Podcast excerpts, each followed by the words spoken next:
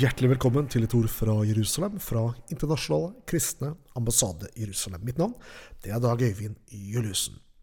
En gladnyhet var at uh, tirsdag denne uken så landet et fly med 160 etiopiske jøder som immigrerte til Israel. Og til alle våre partnere og givere så ønsker vi å rette en tusen takk for støtten til det arbeidet som det er med å finansiere. Det var nemlig IKAI som betalte hjemreisen for denne store gruppen av etiopiske jøder. Ellers så er det en glede å invitere deg til vår årlige sommerkonferanse, som går av stabelen fra torsdag 30. juni til søndag 3. juli. Og det blir på Dal gjestegård, ikke langt fra vårt senter i Åsgårdstrand. Du kan gå inn på ikai.no og lese mer om programmet og hvem som taler når og hva som skjer. Men dette er altså et arrangement for alle generasjoner, eller skal vi si hele familien. Det er eh, opplegg og program og møter for barna. Det er utendørs eh, oppvarma svømmebasseng der, og fine områder. En ordentlig oase nede i, i, i Vestfold-Telemark-området. Uh, hovedtaler på konferansen blir Jørgen Bühler, som er vår leder fra Jerusalem. Og han har også med seg sin kone Vesna, som skal synge for oss. Eh, Ragnar Hatlem han er med i IKAI forkynnerteam. Han er tidligere politimester og advokat, jurist. Han er forfatter av boken 'Palestina Israels historiske og folkerettslige legitimitet'. Han skal du snart få høre i denne sendingen, men han kommer også til å være med og tale på konferansen. I tillegg til Martin Gelein, som er fra vår egen stab, og Maria Torgussen Helgerud. Hun kommer til å lede lovsangen. Så varmt velkommen til disse dagene i Vestfold, på Dal gjestegård. Nå skal du få høre Ragnar Hatlem, som vi nevnte her nettopp, som jo er tidligere jurist, og han er jurist og tidligere advokat og politimester, som tar for seg temaet okkupasjon, eller anklagen om Israels okkupasjon. Appellen du hører her, holdt han på folkemøtet som vi hadde i Stavanger lørdag 14. mai. Tusen takk, eh, Maria.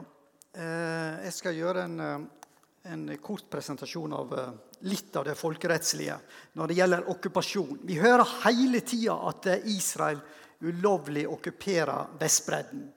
Og For å finne ut det så, eh, så må vi se litt på folkeretten. Jeg tar det veldig enkelt og raskt. Men først litt historikk. Romerne kalte det jødiske området i Midtøsten for Palestina fra ca. 135 etter Kristus. Palestina var underlagt det ottomanske riket i ca. 400 år, fra 1517 til 1917. Verken jødene eller palestinerne altså Her ser man det ottomanske riket. Det er rødt rundt Rødehavet og det meste av Middelhavet. Verken jødene eller, eller eh, palestinerne hadde egne stater på denne tida. Men jødene hadde en nasjonal bevegelse som ba om å få Palestina som sin stat. Etter første verdenskrig så skjedde det store, dramatiske endringer. Man ønsket å gi de koloniserte områdene tilbake til urbefolkningene. Og hensikten var å gjøre dette gjennom mandatordningen, hvor ressurssterke stater skulle hjelpe de lokale urbefolkningene, slik at de på sikt kunne klare å bli selvstendige stater. Det var det som var meningen. Og Det ottomanske riket det hadde vært på feil side i krigen. De kollapsa. Og eh, hva skjedde da? Jo, de overlet områdene, mye av områdene sine til de fire fremste allierte stormaktene Storbritannia, Frankrike, Italia og Japan. Og hva gjorde de fire eh, største første allierte stormaktene?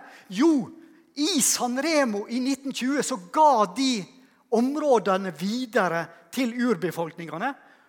Og Palestina skulle bli jødenes nye stat. Folkerettslig er dette et bindende vedtak som senere også ble godkjent av Folkeforbundet. Men det var bindende allerede før det. Vi fikk, eh, de oppretta tre mandatområder. Syria, Mesopotamia og Palestina. Mesopotamia blir Irak. Og de største områdene, som du ser her i grønt, det fikk jo araberne. Eh, Palestina var det mandatet som var minst omstridt. Araberne og jødene hadde i 1919 allerede gjort en skriftlig avtale om å støtte hverandre. Ja, faktisk talt var det sånn. Og så kommer det eh, at det, er viktig, det er veldig viktig å forstå at grensene for Palestina ble bestemte ut fra hvor jødene hadde sin historiske tilknytning. Og eh, Derfor, hvis man tenker seg om da, og resonnerer litt i hodet sitt, så, så, ser man da altså at det, det, var aldri hensikten noe annet enn at hele Palestina skulle bli jødenes nye stat, inkludert Øst-Jerusalem, Judea og Samaria, som var kjerneområdet for jødenes tilknytning. At nettopp disse områdene skulle bli jødenes land, nye stat, ble også bekreftet i den fransk-britiske grensekonvensjonen av 23.12.1920.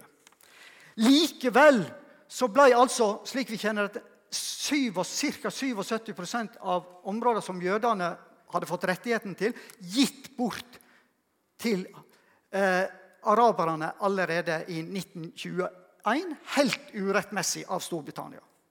Til tross for dette, til tross for dette så hevdes det i dag at eh, det som er igjen av områdene som skulle gå til Israel, de skal deles opp enda en gang. Og Det hevdes at Israel har okkupert Vestbredden fra 1967, og at man drøfter helt seriøst om hele eller deler av områder som er igjen, skal eh, gis til araberne. Dersom du, på tross av det som jeg har sagt her om San Remo, likevel er i tvil om at Israel okkuperer Vestbredden, så la oss se nærmere på reglene om ulovlig okkupasjon. Og Det finner vi i Haag-konvensjonen og Genéve-konvensjonene. Og eh, et rettslig vilkår for at det skal kunne kalles en ulovlig okkupasjon, det er at området må tilhøre en annen stat. Så hva stat er det? Det er to alternativer. Det er enten Jordan eller Israel. Og eh, så, så hva stat altså, så, så, dette her er på en måte Jordan det, det er at Jordan angrep Israel i 1948 og ulovlig okkuperte områdene fram til 1967, skaper naturligvis ikke noe folkerettslig rett på, til området. Og Jordan eksisterte jo ikke engang da jødene fikk rettigheten til Palestina i 1920. Vi kan derfor gå direkte på følgende spørsmål.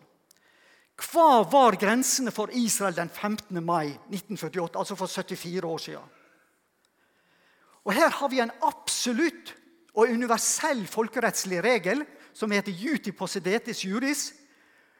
Og Jeg kunne sagt mye om den, men jeg går direkte videre. Når man anvender denne regelen på Israel, betyr det at Israel hadde suvereniteten over hele Jerusalem, Judea og Samaria den 15. mai 1948. Dette fordi det var dette som var grensene for Palestina-mandatet dagen før Israel ble en uavhengig stat. Paradoksalt nok er det ingen som bestrider det rettslige grunnlaget eller grensene for Syria, Irak og Jordan, som fikk sine rettslige grunnlag og sine grenser bestemt på samme møte av de samme stormaktene. Det neste spørsmålet som melder seg da, er har det skjedd noen endringer i forhold til disse grensene fra 1948. Og Jeg har gått igjennom alle muligheter her, men ingen av dem medfører endringer. Og Det gjelder f.eks. selvbestemmelsesretten, demarkasjonslinjene fra 1967, eh, Sikkerhetsrådets resolusjon 242 eller Oslo-prosessen. Ingen endringer. Konklusjonen er veldig klar, mine venner. Konklusjonen er veldig klar. Det er Israel okkuperer ikke Øst-Jerusalem, Judea og Samaria. Og vi er en hel skokk med folkerettseksperter i noe som heter Think eh. Eh, og da, de, vi er helt enige om det. Det er, ikke, det er ikke noe særlig bestridt. Det er ikke heller noe veldig vanskelig juss. En kan rett og slett ikke okkupere sine egne områder. Da er jeg i minus på 19 sekunder. Takk. Ja, det var Ragnar Hatlem du hørte her, forfatter av boken 'Palestina'. Israels historiske og folkerettslige legitimitet. Han holdt denne appellen under folkemøtet for Israel i Kuppelhallen Stavanger lørdag 14. mai. Hvis du registrerer deg på ikai.no som Israelvenn, så kan du gå inn og se på videoen av denne talen, denne appellen, og også fra alle de andre appellene som ble holdt. Du må gå inn på ikai.no, og du må registrere deg som Isarven for å få tilgang til dette videomaterialet, og pluss mye annet som ligger der tilgjengelig. Hovedargumentet mot Israel i den norske Midtøsten-debatten det er at Israel okkuperer. Hvis du går inn på nrk.no så søker du opp Vestbredden, så vil du finne begrepet 'den okkuperte Vestbredden' gang på gang. Og slik er det også hvis du hører på nyhetssendinger fra NRK. Så sier man nesten konsekvent 'den okkuperte Vestbredden'. Eh, jeg har ikke lagt merke til at man gjør det noe tilsvarende sted hvor det er en reell okkupasjon andre steder i verden. Men når det gjelder Israel, så, så forsøker man å label det, eller stemple det slik at Israel er ikke rett på disse landområdene. Men som du har hørt her, det har de historisk og folkerettslig. Problemet er at dette legger grunnlaget for en eh, antipati, for et fiendskap mot denne staten. Israel er tross alt den eneste jødiske nasjonen i verden. Benjamin Netanyahu sa det slik at Israel har blitt nasjonenes jøde. Og Derfor så ser vi eh, fagforeningen LO, som eh, av alle land i verden kun vil boikotte Israel. Og Det er det bygd på denne myten, bygd på denne løgnen egentlig, om at Israel er en stat som tilraner seg ulovlig andre lands landområder. Men det er altså ikke tilfellet. Israel har full rett til å stå i de landområdene som de gjør i dag, slik du hørte i foredraget her. Dette er gitt dem som et hjemland til det jødiske folket. Da anbefaler jeg deg til å følge oss på Facebook, Internasjonale kristne ambassade Jerusalem, og besøke vår nettside ikai.no. Du har lyttet til et ord fra Jerusalem, fra Internasjonale kristne ambassade Jerusalem. Mitt navn det er Dag Øyvind Juliussen, og jeg ønsker deg Guds rike velsignelse og fortsatt god sommer.